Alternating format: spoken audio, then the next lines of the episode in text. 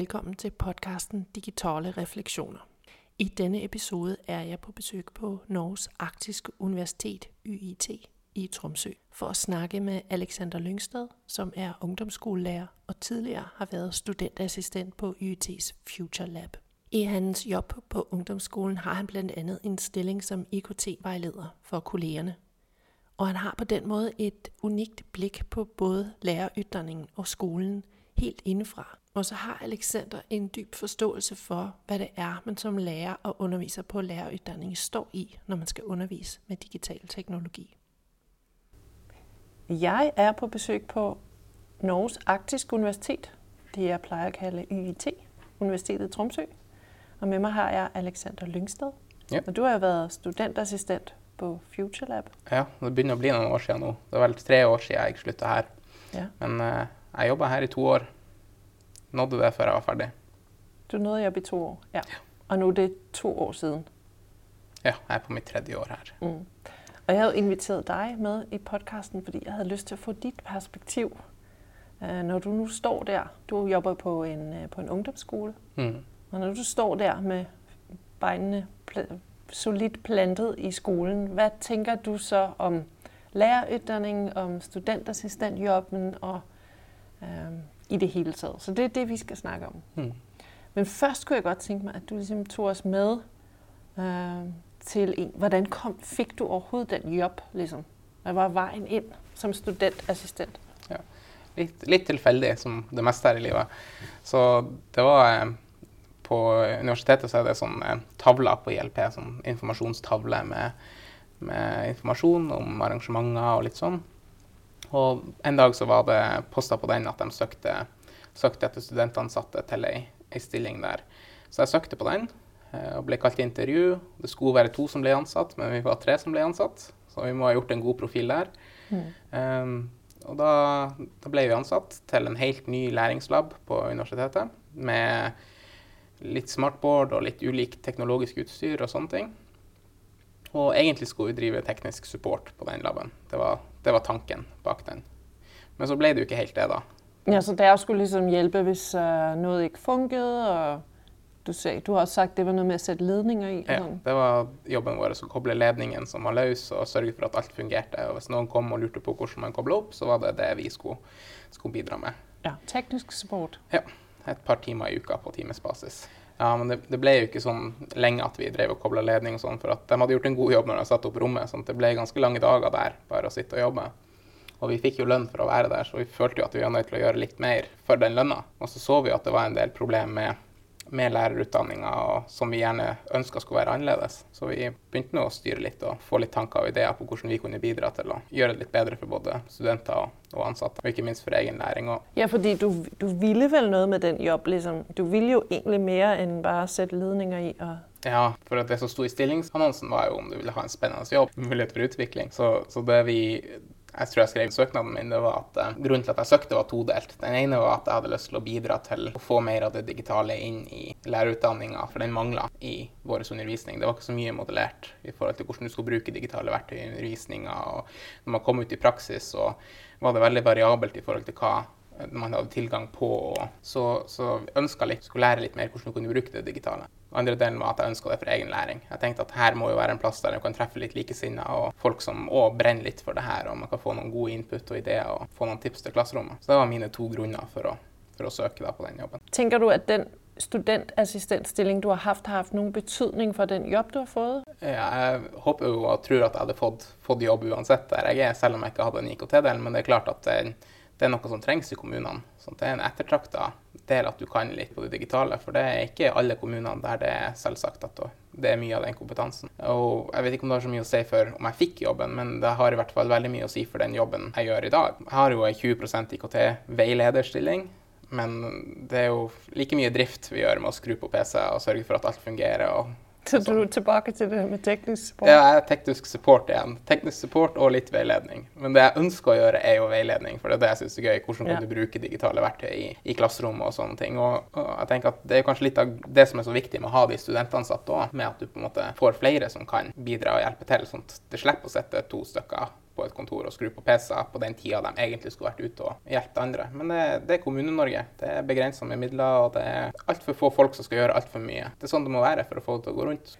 Men hvis vi går tilbake til da du ble ansatt, og der fant ut der ikke bare skulle øh, ordne ledninger og øh, være teknisk support, hva skjedde der? Eh, vi begynte å tenke hvordan kan vi gjøre for studentene at de får på en måte mer opplæring i det digitale. og så begynte vi egentlig med en egenlæringsprosess der vi testa ut digitale verktøy og prøvde å lekte oss litt på laben og brukte mye tid på ja, bare undersøke hva som finnes der ute. Mye av interesse for egen praksis hva kan vi bruke på elevene ute i praksisfeltet når vi er der. Men så så vi at det er mye her som kan gagne vår undervisning, vår egen læring også. Og at vi gjerne skulle ønske at kanskje våre forelesere på lærerutdanninga òg tok det i bruk. Så vi prøvde jo litt ulike ting med å sette opp kurs og drive workshop, ha drop-in-timer for å komme inn og lære om digitale verktøy og sånne ting. Og det var litt sånn variabelt hva som funka, hva som ikke funka. Men det var noen ting som funka bedre enn andre ting. Vi så jo tydelig at når, når lærerne eller foreleserne tok kontakt og spurte kan dere stille opp en time og lage undervisningsopplegg i engelsk f.eks. til en klasse, så sa samtlige at de hadde godt utbytte av det, de som deltok. Og det, det funka, for det vi satte som krav at hvis vi skal ha en time undervisning, med dere, så er dere som forelesere nødt til å være med og delta på lik linje med elevene. Og, så ikke noe med å gå på pauserommet med en kopp kaffe? Nei, det var ikke aktuelt. Nei. Eh, vi var studentansatte. Vi kunne godt ha undervisninga, men vi har ikke noe ansvar for studentene. Grunnen til at vi satte det kravet òg, var jo for at vi ønska jo at kompetansen på huset, altså på lærerutdanninga òg skulle opp. Målet var jo at vi skulle kunne gjøre det en gang, og så skulle de til neste gang kunne gjøre det sjøl. Var det det du tenkte funket best, den modell? At man som faglærer kontakter studentassistenter, og der kommer inn, og der finner sammen mm. i fellesskap en, et opplegg eller en, mm. en ramme. Ja. ja. det tenkte jeg. Det er nok det jeg føler folk hadde størst utbytte av. Uh, for da fikk man noen tanker hva de ønska, hvor de ville, og så valgte man ut noen verktøy som på en måte funka til det formålet. Og så hadde man da undervisning der du hadde en gjennomgang av det, og så fikk du prøve ut sjøl. Så det blir ikke kurs som sådan, det blir en workshop-malen. Og du, havde, du sier at du ønsket også at det skulle liksom være noe faglærerne kunne, uh, kunne bruke selv, altså de skulle kunne gjøre det selv neste gang. Fikk det den effekt? Det var noen faglærere som var innom, var veldig flinke til å ta det i bruk i egen undervisning. Så jeg må si at jeg ble litt, litt imponert av, av, enkelte av dem. Jeg tror at mitt syn på, på mange av faglærerne endra seg litt òg i løpet av de de årene vi jobba der. Eh, for jeg innså vel etter hvert at det var vilje for å prøve, men, eh, men de hadde på en måte ikke kunnskapen om det. De kunne ikke, de hadde ikke, de mangla basicen på en måte. De hadde ikke nok til å kunne ta det i bruk sjøl i klasserommet. sånn at når de da fikk en introduksjon, de fikk prøvd og sånn, så var de veldig snar å ta det i bruk. Og de kom ofte tilbake gang etter gang etter gang. Ja, Endra litt syn på mange av dem. Fra man tenkte at de var vrang og gammeldags og ikke ville ta det i bruk, til at man innså at de kan faktisk ikke mm. ta det i bruk. Og at med litt hjelp så kommer de faktisk, ja. uh, mange av dem, i gang. Mm. Ja. Da, da dere startet på rommet, var der penger satt av til å innrette rommet og til studentassistentlønninger, men egentlig ikke til sånn utstyr eller teknologi? Nei, det var det ikke. Men eh, det har jo litt med hva som var tanken bak det rommet òg. Det var et rom som bare skulle funke ut ifra at vi fikk et åpent mandat til å kunne gjøre litt det vi ønska med det rommet sjøl, så endra jo behovene seg etter hvert. Ja. Eh, men i og med at vi ikke hadde noen midler eh, Egentlig to grunner til at vi gjorde sånn som vi gjorde. For vi valgte å ta, satse på lavterskel, altså gratis programvare og ting som var lett å ta i bruk, som du kunne bruke i mange forskjellige fag. Verktøy på en måte som var veldig dekkende og bred. Litt sånn multitool-aktig. Eh, grunnen til det var jo det ene at vi ikke hadde midler. Det var ikke penger til å kunne kjøpe inn så veldig mye lisenser og sånne ting på, på FutureLaben. Eh, men så var det òg ute i praksis. For vi fikk jo det synet derifra, og det var nyttig i jobben. For vi så at de ulike skolene hadde ulike ressurser. Det var liksom ikke noe som var Det var en del ting som gikk felles i den typiske eh, Tromsø-pakken. Der var det noen programvarer som lå, men hva de hadde tilgjengelig på hver skole, varierte veldig.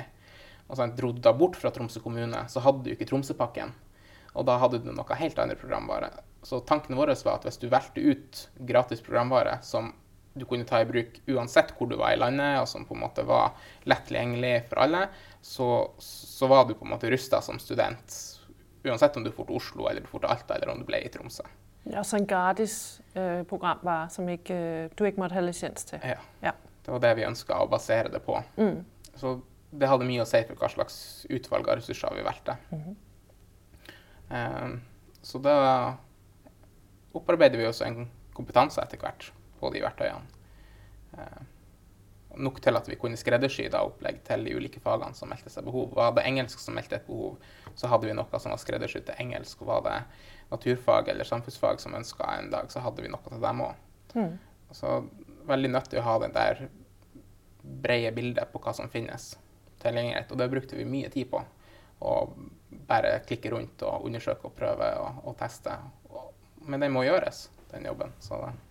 Hva tenker du at studentassistenter tilbyder lærerutdanning? Altså hva får lærerutdanning ved å ansette studentassistenter fremfor å ansette sånn en som meg, eksempel i sånn et rom? Mm. Og bare meg. Altså, Hva er det man får når man har mm. studenter? Altså, det, vi, det vi tre guttene som ble ansatt på, på laben, hadde følte vi var jo et visst eierskap til den. Så vi følte, ikke at, vi følte ikke at det var vårt, men vi følte et ansvar for å drifte den og drive den framover. Og ja, vi følte et eierskap til den, rett og slett. Så jeg tenker det er jo, det er jo viktig med både elev- og studentmedvirkning. Du skal føle at du er en del av din egen utdanning og komme med input og, og sånn. Og det er jo særdeles mange dyktige studenter som har veldig mye kompetanse. Så jeg tenker sånn at, at lærerutdanningen velger å benytte seg av det Eh, når de sjøl ikke klarer å imøtekomme det behovet som er på den digitale fronten.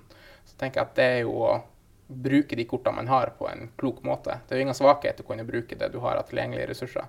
Det er jo dem du skal utdanne, det er jo studentene som skal ut av skolen. Det er jo Jobben til lærerutdanninga å utdanne studentene. Så gi dem den lille gulrota med lønn, og gi dem det lille ekstra ansvaret med å kunne undervise og delta i undervisninga. Men det utfordrer jo litt sånn en gengs oppfattelse av at man som student kommer på lærerutdanning for at lære av mm. de fagansatte. Mm. Men hvis man skal, selv skal påtage seg rollen med å lære de fagansatte noe, så blir det liksom vendt opp og ned på det. Men jeg tenker det er jo, Når man kommer ut i skolen, man er ferdigutdanna som lærer og kommer ut i skolen, så er det ikke sånn at det er definerte roller med at det er du som driver skoleutviklinga, og det er din jobb å lære meg. Men det er jo et felles ansvar for å drive organisasjonen framover. Så jeg tenker det er jo nyttig å på en måte lære i lærerutdanninga at det blir din jobb når du kommer ut som lærer, å kunne tilegne deg kompetanse som nyttiggjør resten av organisasjonen. Man kan kanskje velge litt type A. Hvis man ser at det er noen som brenner for det digitale, så gi dem litt støtte og gi dem litt vind i seilene og prioritere dem. For Kommune-Norge trenger den kompetansen. Ja, så man kan vel si at studentene ikke skal være sånn passive mottakere av uh, kunnskap, men skal være mer aktive i deres læreprosess? Ja, det tenker jeg. Det er jo målet for lærerutdanningen og litt som, som mange av utdanningsinstitusjonene er opptatt av nå, at det skal være at elevene skal være aktive, studentaktive i rom. og Altså man kan si at Som student kan man kanskje tenke mer på seg selv som en der, der skal være aktiv lærende under sitt studie, i motsetning til å bare modtage kunnskap og tilegne seg det. Så mm. egentlig å være mer aktivt deltakende i sin egen profesjonelle utvikling av sin profesjonsidentitet og kompetanser i det hele tatt. Det er jo det vi krever av elever nå, at de skal være aktive i sin egen læringsprosess, og at vi på en måte skal tilrettelegge for at de skal kunne lære sjøl. At man på en måte er tilrettelegger for det. Jeg tenker Lærerutdanningen må kunne tilrettelegge for at man tester ut nye verktøy i lag. Kaste inn et nytt verktøy. Dette verktøyet virker veldig spennende i forhold til elevene. Hvordan kan vi bruke det? Deres oppgave nå er å komme med en måte dere kan bruke det i undervisning. Tar man kanskje og går igjennom det da i plenum? Hva er deres forslag? Hvordan har dere tenkt? Hvordan forskning knytter dere her imot? Hvordan læringsteorier knytter dere det opp med? Hvorfor tror dere dette vil funke? Hva må man passe på? Altså at man får den der refleksjonen rundt hvordan bruker du digitale verktøyene i i undervisning. For det er jo en del av profesjonen. Sant? Profesjonsfaglig digital kompetanse. Det hadde ikke vært profesjon der hvis ikke det hadde med lærerjobben å gjøre. Så jeg tenker den må inn på lærerutdanningen, og studentene er nødt til å være aktive i den. Om man ikke er klar for å kunne ta det inn i hvert enkelt klasserom, så tenker jeg ha nå i hvert fall studentansatte som på en måte kan være litt støttehjul i starten av den prosessen. For de blir godt rusta til å kunne fortsette denne jobben ute i praksisfeltet. Altså når de er ferdigutdanna lærere i kommunene og rundt omkring på skolene, er det garantert at de kommer til å måtte videreformidle sin kunnskap. Om ikke til hele skolen, så i hvert fall kanskje sitt trinn eller sine nærmeste kollegaer eller samarbeidspartnere. Og det igjen dryper jo tilbake på lærerutdanning om et par år når våre da, ungdomsskoleelever kommer og søker på lærerutdanninga. Man begynner jo en god spiral på en måte, hvis man bare tør å kaste seg ut i det. Jo, men Det du sa tidligere, var også, at det du har fått med deg, som du har tatt med deg ut i skolen, er jo sånn en unik kompetanse som også trengs på skolene. Så det jeg tenker er interessant her, det er at du både har bidraget innad i lærerutdanning, du har utviklet kompetanser selv, men at du også har utviklet noen særlige kompetanser som er med til å løfte det arbeidet på, på den enkelte skole. Så hvad tænker, når nu du ser tilbake, hva tenker du så at du fikk med deg ved å ha den jobb som studentassistent? Med at vi drev undervisning både for, for elever ute i praksis og praksislærere og på universitetet, faglærerne, foreleserne, så fikk vi jo et bredt overblikk over hvordan både ståa til kompetansen var, men, men også det at det kanskje ikke gikk på det at man som jeg nevnte tidligere, at det at man ikke vil, men at man ikke kan. Fikk jo det blikket at det er faktisk dårlig stelt mange plasser med kompetanse. Og at da må man kanskje ikke være så krass, men man er mer ydmyk tilnærming til det. Man skal fortsatt stille krav til at det digitale skal inn, men man vet at man kanskje må starte veldig på scratch, og så bygge det opp og bygge det opp og bygge det opp. Det er mange ting jeg skulle ønske i dag jeg kunne ta ut til min egen skole og ta i bruk, men man holder på å bygge opp den plattformen med å få de grunnpilarene på plass først. Så jeg, jeg tror man tok med seg eh, litt prosessen, kanskje. Prosessen, hvordan man driver den organisasjonsutviklinga, hvordan du bygger opp kompetanse over tid. Den tror jeg man tok med seg. Eh, og tålmodighet, pluss at man fikk utrolig mye trening i verktøyene når man hadde ulike typer inne på, på workshops, og du skulle gå igjennom det samme programmet igjen og igjen. Og man fikk veldig mange spørsmål. Etter hvert så fikk man jo på en måte kartlagt hva slags spørsmål som kommer, så man vet på en måte hva de kommer til å spørre om. litt sånn. Den tenker jeg òg er nyttig når man skal gå igjennom ny programvare. for man man har en del av de spørsmålene som kanskje ti sitter og lurer på, men ikke tør å spørre. Men så har du mm. hatt den ene personen på workshop den gangen som torde å spørre om det. Så tenkte jeg så klart, det må jeg jo si, for det er jo ikke en selvfølge at folk vet det. Jeg glemmer den nok litt i dag. Det skal jeg innrømme at jeg gjør. Jeg tror det er overblikket og, og den treninga i å undervise med digitale verktøy, den tror jeg er det viktigste jeg tok med meg. Og jeg tenker også kanskje det der med å drive det selv. Altså, når jeg har hørt deg fortelle om din, den jobb du har nå, og fulgte deg som studentassistent, så det her med å skulle, skulle, holde noe i gang og ville noe med noe og skulle få det til å skje, mm. skulle få det virkeliggjort, mm. tenker jeg også er noe Ja, det er definitivt. Det har alltid noe å gjøre. Og alltid noe man har lyst til å få gjennomført og sånn. Jeg har eh, En av mine ledere på jobb pleier å si at jeg er nødt til å lande noen baller for altfor mange baller i lufta. Så nå må man nødt til å prøve å lande noen få. Og det tenker jeg illustrerer den, den, jobben ganske godt.